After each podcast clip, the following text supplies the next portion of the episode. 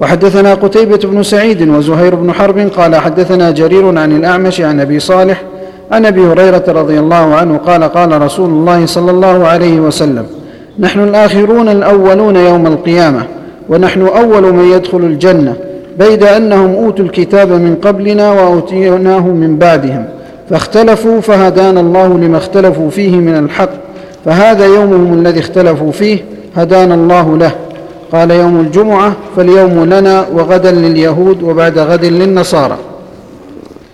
وحدثنا محمد بن رافع حدثنا عبد الرزاق أخبرنا معمر عن همام بن منبه أخي وهب بن منبه قال هذا ما حدثنا أبو هريرة عن محمد رسول الله صلى الله عليه وسلم قال قال رسول الله صلى الله عليه وسلم نحن الآخرون السابقون يوم القيامة بيد أنهم أوتوا الكتاب من قبلنا وأوتيناه من بعدهم وهذا يومهم الذي فرض عليهم فاختلفوا فيه فهدانا الله له فهم لنا فيه تبع فاليهود غدا والنصارى بعد غد. وحدثنا أبو كريب وواصل بن عبد الأعلى قال حدثنا ابن فضيل عن أبي مالك الأشجعي عن أبي حازم عن أبي هريرة وعن ربعي بن خراش عن حذيفة قال قال رسول الله صلى الله عليه وسلم أضل الله عن الجمعة من كان قبلنا فكان لليهود يوم السبت وكان للنصارى يوم الأحد فجاء الله بنا فهدى فهدانا الله ليوم الجمعة فجعل الجمعة والسبت والأحد وكذلك هم تبع لنا يوم القيامة نحن الآخرون من أهل الدنيا والأولون يوم القيامة المقضي لهم قبل الخلائق وفي رواية واصل المقضي بينهم. الرواية الأخيرة. أضل الله. فيه دلالة لمذهب أهل السنة أن الهدى والضلال والخير والشر كله بإرادة الله. بس فقط. فقط. ها؟ قال الظاهر أنه فرض عليهم تعظيم يوم الجمعة بغير تعيين ووكل إلى اجتهادهم لإقامة شرائعهم فيه.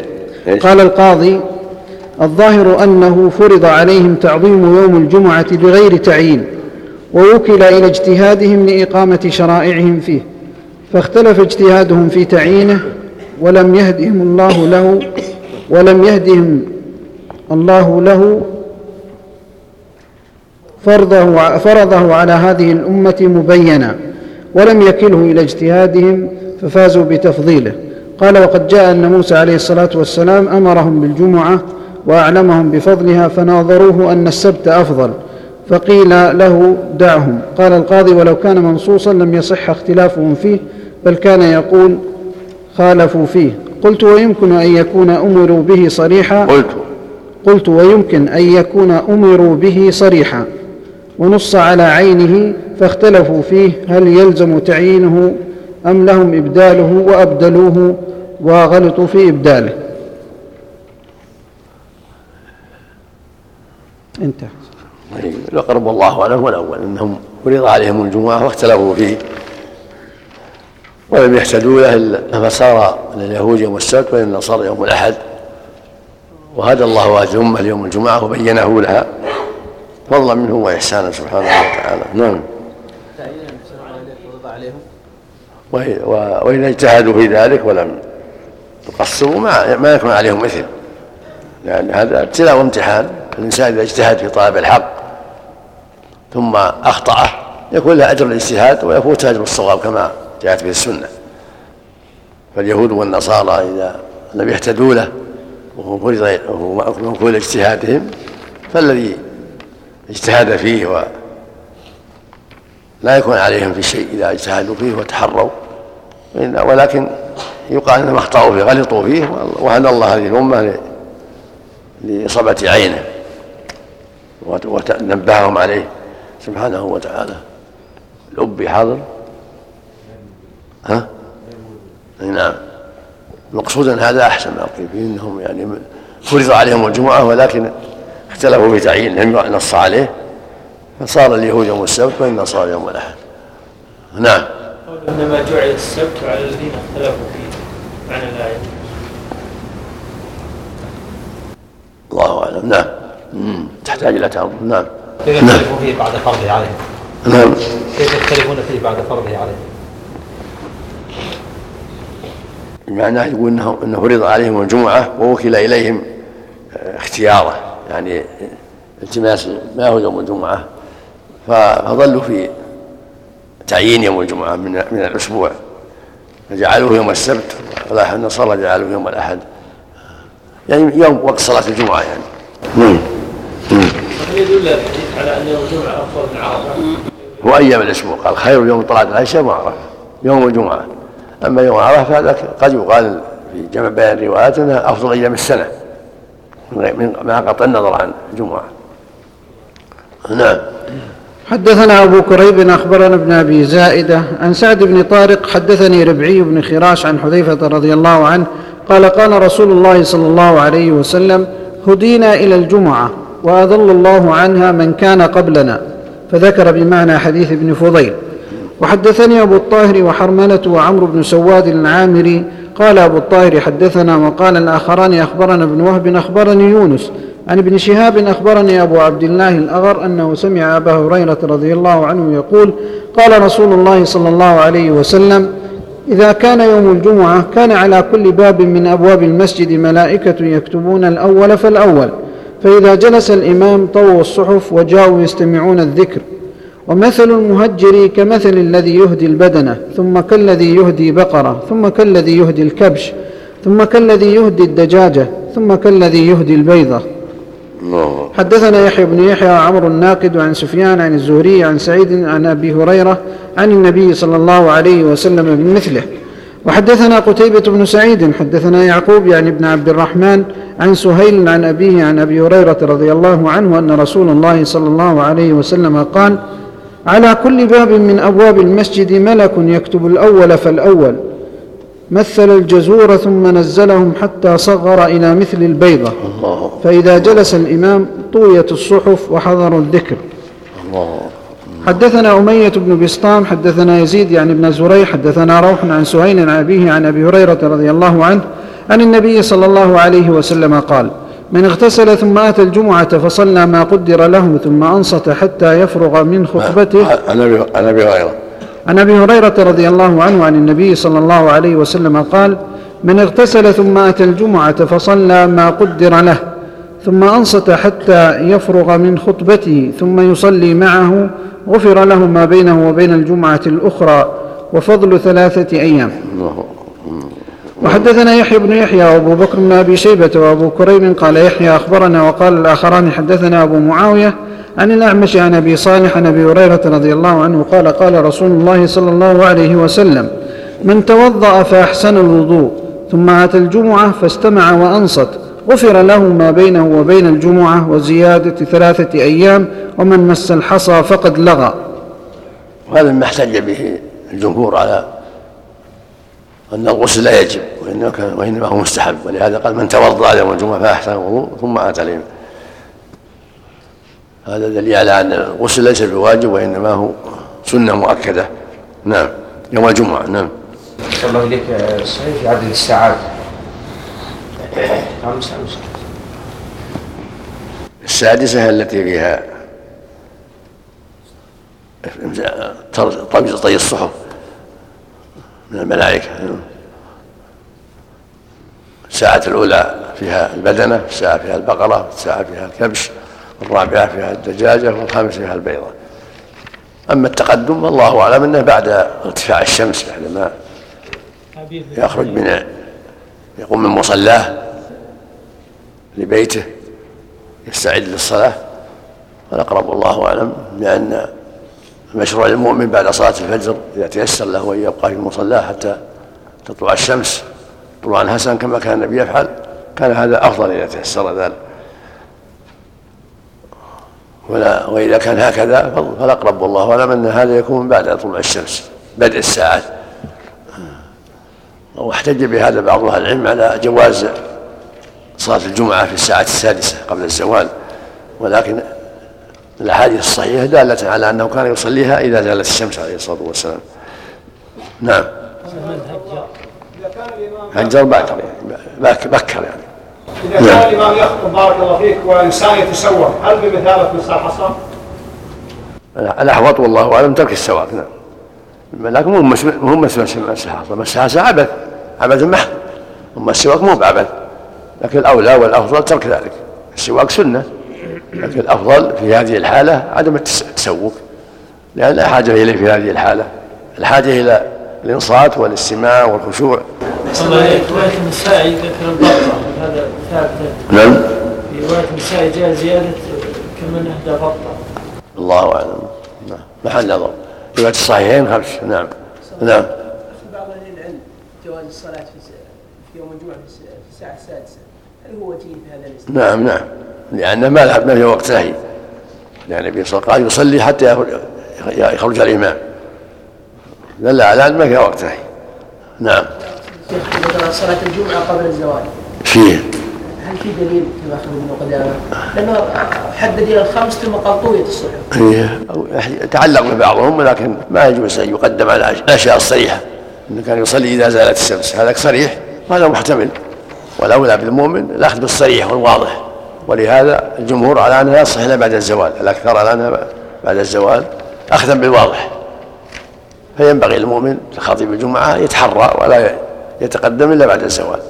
يحتاط لدينه ويأخذ بقول الأكثر وبالأحاديث الصريحة. أحسن نعم. في ناس بيبدأوا قبل الزوال مثلا بخمس دقائق 10 دقائق وبعدين وقت النزول يكون الزوال قد قد حل؟ لا يتحرى يتحرى بالصلاة والزوال فلا يدخل لا, لا يتقدم إلا بعد الزوال للخطبة وغيرها. لا, لا يكون إلا بعد الزوال. نعم. وحدثنا أبو بكر بن أبي شيبة وإسحاق بن إبراهيم قال أبو بكر حدثنا يحيى بن آدم حدثنا حسن بن عياش عن جعفر بن محمد عن أبيه عن جابر بن عبد الله رضي الله عنهما قال كنا نصلي مع رسول الله صلى الله عليه وسلم ثم نرجع فنريح نواضحنا. قال حسن فقلت لجعفر في أي ساعة تلك؟ قال زوال الشمس. وحدثني القاسم بن زكريا. شيء عنده حدثنا حدثنا. وحدثنا أبو بكر بن أبي شيبة وإسحاق بن إبراهيم قال أبو بكر حدثنا يحيى بن آدم حدثنا حسن بن عياش عن جعفر بن محمد عن أبيه عن جابر بن عبد الله رضي الله عنهما. نعم. نعم. وحدثني القاسم بن زكريا حدثنا خالد بن مخلد حاء وحدثني عبد الله بن عبد الرحمن الدارمي. حدثنا يحيى بن حسان قال جميعا حدثنا سليمان بن بلال عن جعفر عن أبيه أنه سأل جابر بن عبد الله متى كان رسول الله صلى الله عليه وسلم يصلي الجمعة؟ قال كان يصلي ثم نذهب إلى جمالنا فنريحها. زاد عبد الله في حديثه حين تزول الشمس يعني النواضح حين تزول الشمس بعده يعني النواضح نعم. نعم. توجيه أحسن الله إليك. توجيه. خرجوا حتى حين الزوال انتهت الصلاة. هذا مما يتعلق به أيضا من ي- ي- يجيز الصلاة قبل الزوال. قالوا إنهم يريحون يذهبون يريحون يريحون نواضحهم حين تزول الشمس. ظاهر هذا أنهم صلوا قبل الزوال. ولكن هذا ليس بصريح. نعم. أحسن الله قول بعض أهل العلم أن رواية زيادة عبد الله الدائمي قال حين الزوال أنه انفرد بها. نعم الله أعلم. نعم. وحدثنا عبد الله بن مسلم بن قعنب ويحيى بن يحيى وعلي بن حجر قال يحيى أخبرنا وقال الآخران حدثنا عبد العزيز بن أبي حازم عن أبيه عن سهل قال ما كنا نقيل ولا نتغدى إلا بعد الجمعة. زاد ابن حجر في عهد رسول الله صلى الله عليه وسلم. وهذا واضح لأنهم يتقدمون الصلاة يكون الغداء والقائله بعد الجمعة هذا واضح نعم. نعم. وحدثنا يحيى بن يحيى. نعم أقول موقع القول قيلولة المشهورة عند الصحابة قبل الزواج وبعد الزواج إيش؟ قيلولة يوم يوم الجمعة بعد الزواج بعد بعد الجمعة. ما هنا قيلوله إلا بعد الجمعة. نعم. قيلوله خ- عند قبل الزوال في غير الجمعة. نعم. لكن يوم الجمعة تؤخر. نعم. نعم. وحدثنا يحيى بن يحيى وإسحاق بن إبراهيم قال أخبرنا وكيع عن يعلى بن الحارث المحاربي عن إياس بن سلمة بن الأكوع عن أبيه رضي الله عنه قال كنا نجمع مع رسول الله صلى الله عليه وسلم إذا زالت الشمس ثم نرجع نتتبع الفيء وهذا من اصرحها روايه السلامه بن الاكوع من أصرح الروايات إنها بعد الزوال نعم. وحدثنا إسحاق بن إبراهيم أخبرنا هشام بن عبد الملك حدثنا يعلى بن الحارث عن إياس بن سلمة بن الأكوع عن أبيه رضي الله عنه قال كنا نصلي مع رسول الله صلى الله عليه وسلم الجمعة فنرجع وما نجد للحيطان فيئا نستظل به. وحدثنا عبيد الله بن عمر القواريري وأبو كامل الجحدري جميعا عن خالد. قال أبو كامل حدثنا خالد بن الحارث حدثنا عبيد الله عن نافع عن ابن عمر رضي الله عنهما قال كان رسول الله صلى الله عليه وسلم يخطب يوم الجمعة قائما ثم يجلس ثم يقوم. قال كما تفعلون اليوم. نعم. وحدثنا يحيى بن يحيى وحسن بن الربيع وأبو بكر بن أبي شيبة. هذا هو الواجب يخطب. ثم يجلس ثم يقوم يخطب كما فعل النبي صلى الله عليه وسلم. خطبتين بينهما جلسه خفيفه كما فعل صلى الله عليه وسلم قال صلوا كما رايتموني أصلي. نعم. يوم قيام واجب؟ نعم. قيام واجب ينبغي. لأن الرسول خطب قائما عليه الصلاة والسلام أبلغ في الإنذار أبلغ في الإنذار. والأصل التأسي بكتاب هذا أنه واجب. لأن هذه أعمال توقيفية. نعم. صلى الله عليك. واجب أحسن الله نعم. يقال إنه واجب. هو الأظهر والوجوب إلا عند العجز في الصلاة إذا كان إمام الحي. نعم. الله عليك نعم. يذكر بعض الإخوان أن في بعض القرى إذا دخل الإمام لخطبة الجمعة وجلس على المنبر رفع المأمون يديهم ويدعون وي- يعني يحافظون على هذا الراتب. هل هذا له أصل؟ ما له أصل لا. رفع الأيدي عند دخول الخطيب ما له أصل. لهم وكذلك رفع الأيدي وهو يخطب لا منه ولا منهم وهو بدعة ما هو مشروع ولما مر بعض الصحابة خفاف الإيماع وأبي بن مروان يرفع يديه في خطبة الجمعة دعا قال شلتها أو قال كذا كلمة في يده ما كان النبي يرفع يديه لما كان يشير بأصبعه إنما يرفع إذا كان في استسقاء في خطبة الجمعة واستسقى أو استغاث يعني يرفع. أما خطبة الجمعة العادية لا يرفع فيها أو العيد كذلك لا هو ولا جماعة. مالك إذا جلس إذا دخل وجلس للأذان قبل حل الأذان يرفعون يديه؟ قبل بدء الخطبة سبحان الله. يقول ما الحصل هذا؟ لا هم لا منه ولا منهم. لا عند الخطبة ولا بعد الخطبة يعلمون أن هذا ما يجوز. يعلم ولا يبين انها بدعه إذا أحسن الله إليك أن يرفع إصبعه المأموم المستمع. إشارة التوحيد عند ذكر التوحيد يعني عند ذكر الجلالة. التوحيد. نعم. وحدثنا يحيى بن يحيى وحسن بن الربيع وأبو بكر بن أبي شيبة قال يحيى أخبرنا وقال الآخران حدثنا أبو الأحوص عن سماك عن جابر بن سمرة رضي الله عنه قال كانت للنبي صلى الله عليه وسلم خطبتان يجلس بينهما يقرأ القرآن ويذكر الناس. يعني في الخطبة يذكر الناس يقرأ يقرأ آيات في الخطب في الخطبة ويذكر الناس في خطبه عليه الصلاة والسلام. يتلو الآيات ويذكر الناس في خطبة الجمعة وخطبه أيضا الأخرى كالعيد والاستسقاء وغير ذلك. نعم أحسن الله إليك. آه، القراءة السابقة لصحيح مسلم حديث أبي موسى عن أبي بردة بن أبي موسى قال قال لي عبد الله بن عمر أسمعت أباك يحدث عن رسول الله صلى الله عليه وسلم في شأن ساعة الجمعة؟ قال قلت نعم. سمعته يقول سمعته يقول سمعت رسول الله صلى الله عليه وسلم يقول هي ما بين أن يجلس الإمام إلى أن تقضى الصلاة. والشارح الله يحفظه قال هذا الحديث مما استدركه الدار على مسلم. وصوب أنه من قول أبي بردة لا الصواب انه مرفوع الصواب انه مرفوع وزيادة الثقة مقبولة. وهذا إحدى الساعات التي يرجى فيها الإجابة. ما بين يجلس الإمام إلى أن تقضى الصلاة. وبعد صلاة العصر إلى غروب الشمس يوم الجمعة. وبقي وجميعا الجمعة كل الساعات فيها ساعة. ينبغي تحري فيها الدعاء. الصواب ما فعله مسلم خلافا للدار قطني رحمه الله. نعم.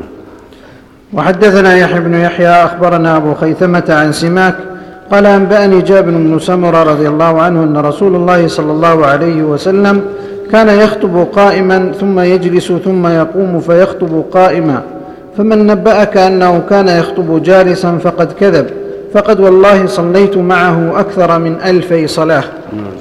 نعم. نعم يعني جمعة وغيره نعم نعم. حدثنا عثمان بن أبي شيبة وإسحاق بن إبراهيم كلاهما عن جرير. قال عثمان حدثنا جرير عن حسين بن عبد الرحمن عن سالم بن أبي الجعد عن جابر بن عبد الله رضي الله عنهما أن النبي صلى الله عليه وسلم كان يخطب قائما يوم الجمعة فجاءت عير من الشام فانفتل الناس إليها حتى لم يبق إلا اثنا عشر رجلا. فأنزلت هذه الآية قال. عن جابر بن عبد الله رضي الله عنهما أن النبي صلى الله عليه وسلم كان يخطب قائما يوم الجمعة. فجاءت عير من الشام فانفتل الناس إليها حتى لم يبق إلا اثنا عشر رجلا. فأنزلت هذه الآية التي في الجمعة. وإذا رأوا تجارة أو لهوا انفضوا إليها وتركوك قائما. نعم. وحدثناه أبو بكر بن أبي شيبة قائما كان يخطب قائما عليه الصلاة والسلام. نعم. وحدثناه أبو بكر بن أبي شيبة حدثنا عبد الله بن إدريس عن حسين بهذا الإسناد قال ورسول الله صلى الله عليه وسلم يخطب ولم يقل قائم.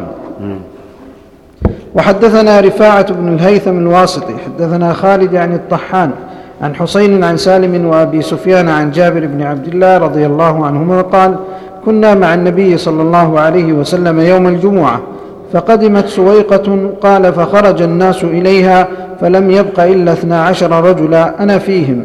قال فأنزل الله وإذا رأوا تجارة أو لهوا انفضوا إليها وتركوك قائما إلى آخر الآية. وحدثنا إسماعيل بن سالم أخبرنا هشيم أخبرنا حسين عن أبي سفيان وسالم بن أبي الجعد عن جابر بن عبد الله رضي الله عنهما قال بين النبي صلى الله عليه وسلم قائم يوم الجمعة إذ قدمت عير إلى المدينة. فابتدرها أصحاب رسول الله صلى الله عليه وسلم. إذ قدمت عير. إذ قدمت عير إلى المدينة نعم. فابتدرها أصحاب رسول الله صلى الله عليه وسلم حتى لم يبق معه إلا اثنا عشر رجلا فيهم أبو بكر وعمر. قال ونزلت هذه الآية وإذا رأوا تجارة أو لهوا انفضوا إليها. وحدثنا محمد بن المثنى وابن بشار قال حدثنا محمد بن الحث جعفر. على الإقبال على الصلاة والخطبة وعدم الخروج لتجارة أو غيرها وأن المقام مقام حضور واست- واستفادة. فلهذا نبههم الله جل وعلا ولعلهم خرجوا لأسباب اقتضت ذلك ولم يكن عندهم من العلم ما يقتضي منع ذلك حتى استقر أمر الشريعة استقر ما يجب عليه من سماع الخطبة كان هذا عن جهل ثم تعلم وتعلم الناس و وبادروا إلى امتثال أمر الله ورسوله. نعم. شيخ أحسن الله إليك. من خطب جالس؟ حتى تنتهي الجمعة وقال أقم الصلاة. نعم. جالس. نعم. يقول من خطب جالس حتى تقام الجمعة. ينتهي من خطبته وهو جالس ويقول أقم الصلاة. مريض يعني؟ لا. جاهل نعم. جاهل يحتاج في وقت آخر مش يتأمل يحتاج تأمل المقام نعم. وحدثنا محمد بن المثنى وابن بشار قال حدثنا محمد بن جعفر حدثنا شعبة عن منصور عن عمرو بن مرة عن أبي عبيدة عن كعب بن عجرة قال دخل المسجد وعبد, الرح وعبد الرحمن بن أم الحكم يخطب قاعدا. فقال انظروا؟ دخل. عن كعب بن عجرة قال دخل المسجد. وعبد الرحمن بن أم الحكم يخطب قاعدا. وعبد الرحمن بن عن أبي عبيدة عن كعب بن عجرة قال دخل المسجد. مم. وعبد الرحمن بن أم الحكم يخطب قاعدا وعبد الرحمن بن ابن أم الحكم. ابن أم الحكم؟ نعم. نعم. يخطب قاعدا نعم. فقال انظروا إلى هذا الخبيث يخطب قاعدا وقد قال الله تعالى وإذا رأوا تجارة أو لهوا انفضوا إليها وتركوك قائما. وحدثني الحسن يعني هذا الكلام يتضمن إنكار المنكر والإنكار على ولاة الأمور إذا خالف السنة ووجه استدلاله بالآية أن الله تعالى أخبر أن النبي صلى الله عليه وسلم كان يخطب قائما. وقد قال الله تعالى لقد كان لكم في رسول الله أسوة حسنة مع قوله واتبعوه وقوله وما أتاكم الرسول فخذوه مع قوله صلى الله عليه وسلم صلوا كما رأيتموني أصلي بس. نعم. في كلام عن القيام نعم. في كلام قبل. هذا إيه. شو قبله؟ كان. هو قبله كلام القيام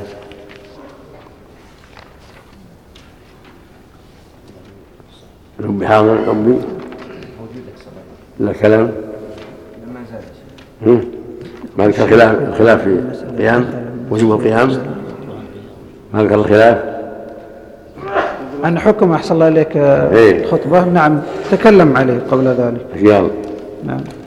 يقول حكى ابن ابن عبد البر إجماع العلماء على أن الخطبة لا تكون إلا قائما لمن أطاقه ذكر. حكى ابن عبد البر إجماع العلماء على أن الخطبة لا تكون إلا قائما لمن أطاقه وقال أبو حنيفة يصح قاعدا وليس القيام بواجب. وقال مالك هو واجب لو تركه أساء وصحت الجمعة. وقال أبو حنيفة ومالك والجمهور الجلوس بين الخطبتين سنة ليس بواجب ولا شرط. ومذهب الشافعي أنه فرض وشرط لصحة, لصحة الخطبة. قال الطحاوي لم يقل هذا غير الشافعي. ودليل الشافعي أنه ثبت هذا عن رسول الله صلى الله عليه وسلم مع قوله صلى الله عليه وسلم صلوا كما رأيتموني أصلي. ابن سعد شيء قوله قائما القيام شرط في صحة الخطبة خلافا لأبي حنيفة. وقال ابن القصار يقوى في نفسي أنه سنة. وقال القاضي عياض المذهب أنه ليس بشرط. ومن خطب جالسا أساء وتجزئه. وقال الشافعي وطائفة لا يجزئ أن يخطب جالسا إلا لعذر. وأول من خطب جالسا معاوية رضي الله عنه حين ثقل. قلت ففي شرط القيام طريقان للإمام والقاضي كما ترى والطريقة هي اعتقاد من نسبت إليه تلك الطريقة أن المذهب في المسألة على قول واحد أو على أقوال يعدها. فالإمام رأى أن المذهب كله على شرط على أنه شرط وهي أيضا طريقة أكثر الشيوخ والقاضي رأى أن المذهب كله أنه غير شرط المقصود أن ظاهر السنة لا بد من ظاهر السنة والكتاب أنه لا بد من القيام. فإذا عجز فلا بأس. كما يصلي قاعدا الإمام الراتب عند العجز. أما أن يصلي قاعد وهو طيب فلا يجوز هذا خلاف ما شرعه الله. الله جل وعلا أخبر أنه كان يخطب قائما والرسول قال صلوا كما رأيتموني أصلي وهو المعلم عن الله وهو الموجه. فالواجب اتباعه في هذا كغيره. وأن يخطب الإمام قاعدا إلا من علة كما فعل معاوية. لكن العلة فلا قد يقال الجاهل مثل المريض لو صلى ولا يؤمر بالإعادة إن شاء الله لأجل الجهل. ليس بالبعيد. هذا هو هذا هو الظاهر هذا هو الأصل. صلوا كما رأيتموني أصلي. نعم. وحدثني الحسن بن علي. نعم. نعم. يروى في بعض الأحاديث المرسلة يروى. شوف كلام ابن عبد البر كلام ابن عبد البر.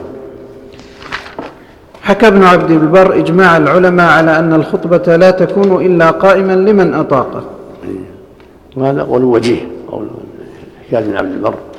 والغالب على إجماعاته إنها قول الجمهور رحمه الله. اجماعات ابن عبد البر وابن المنذر الغالب عليها أنها قول الجمهور ولكنها على كل تنفع. تساعد على أن ينبغي المؤمن الأخذ بهذا القول ولا سيما إذا عضدت الأدلة. كون الأدلة معه قول أكثر. ما ينبغي أن يحيد عنه الإنسان لأمرين كونه دلت عليه الأدلة كونه أخذ به الاكثر نعم. شيخ سلم الله هل هل على الإطلاق آه، ينكر علما على من خالف من خالف السنة؟ بالطرق الحسنة التي تقرب ولا تنفر فادعو إلى سبيل ربك بالحكمة والموعظه الحسنة وجادلهم بالتي أحسن. نعم.